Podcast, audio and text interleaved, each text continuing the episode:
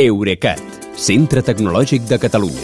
Innovant amb les empreses. Innovant amb tu. Albert Cuesta, bona nit. Bona nit, Kilian. I han passat dos dies de mobile. No toca parlar d'allò que tu li dius ferramenta? No toca parlar de telèfons mòbils? Sí, tens raó. Jo sempre dic que els mòbils no són el més important del Congrés, però sí que són una peça fonamental d'aquesta indústria. El que passa és que la majoria dels telèfons molts nous ja s'havien presentat dies abans, però un cop els he tocat allà eh, ja puc fer-ne una repassada. Doncs va, fem una repassada. La tendència general seria que es manté tot, càmeres de primer nivell, preus cada vegada més alts...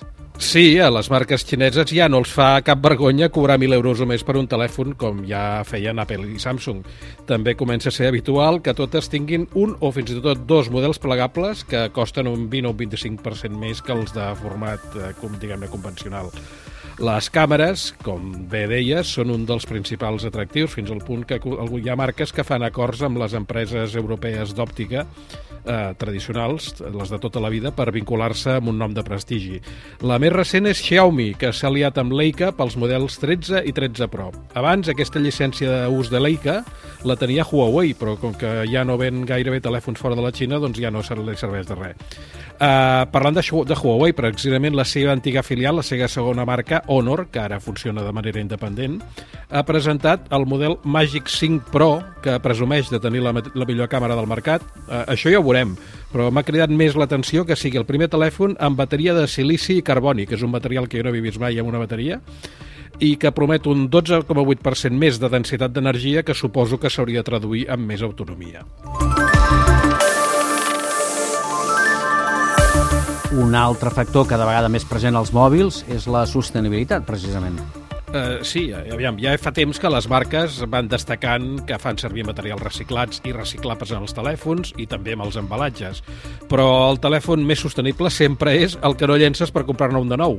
Uh, I el, el fet és que els consumidors triguen cada vegada més a canviar de mòbil. Ara la mitjana de renovació és fer-ho cada 40 mesos uh, un dels motius que potser els models nous uh, tampoc aporten tanta novetat sobre els que ja tenim. I un altre és que per fi ja existeixen mòbils que són més fàcils de reparar, reparar-los tu mateix. Eh? La marca pionera amb això va ser l'holandesa Fairphone, amb uns telèfons que estaven dissenyats per poder... estan, eh? per dissenyats per muntar-los i desmuntar-los i canviar peces com la pantalla, la bateria, la càmera o l'altaveu. Amb aquest congrés s'hi ha afegit Nokia amb el model G22, que costa 189 euros, és un Android molt digne, i el pots obrir fàcilment per canviar-li la bateria o la pantalla si se t'ha trencat. Fins i tot t'inclouen amb, amb la capsa les eines per fer tu mateix la reparació. I mentrestant, cada vegada més mòbils, alhora que això, es poden connectar via satèl·lit.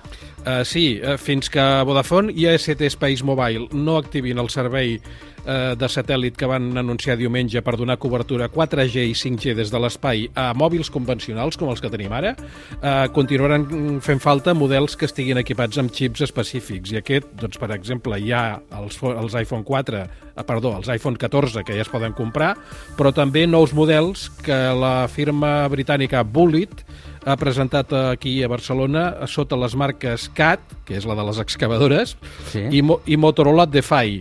Són telèfons que resisteixen condicions extremes, d'aquí lo, de la, lo de la marca CAT, i poden enviar per satèl·lit missatges demanant auxili. I ara sí, finalment, el telèfon que més t'ha sorprès de tots els que has vist. És de l'empresa xinesa Lenovo, que és la propietària de Motorola. Aquest telèfon encara no té nom perquè només és un prototip, però té una pantalla de 4 polzades, que aviam, és petita, però suficient per la majoria de les coses que fan habitualment. De fet, és la mida que a mi m'agrada més. I cap eh, bé a la butxaca. Però quan necessites més pantalla, eh, apretes un botó, prems un botó, i la mateixa pantalla s'estira cap amunt i acaba sent de 6 polzades i mitja, com un, com un mòbil, diguéssim, dels que són habituals ara. Aquest concepte de pantalla desenrotllable, eh, la la mateixa empresa, que ens té acostumats a formats ja de dispositius força originals, també l'ha aplicat a un ordinador portàtil, que també les posen a Barcelona. En aparença, la pantalla és de 12,7 polzades en format 4 terços, però quan es desplega, quan s'estira, automàticament passa de les 15 polzades eh, i és gairebé quadrada. De fet, és de format 8.9, de, de 8 novens, que vindria a ser com dues pantalles panoràmiques de 16-9 posades una sobre l'altra. Perquè vagis dient que els mòbils són avorrits. Sí, ja sempre trobarem alguna cosa per explicar. Sempre, sempre. Sempre la trobaràs tu, certament. Uh, que vagi molt bé. Una abraçada, Albert. Bona nit, Kilian. Fins demà.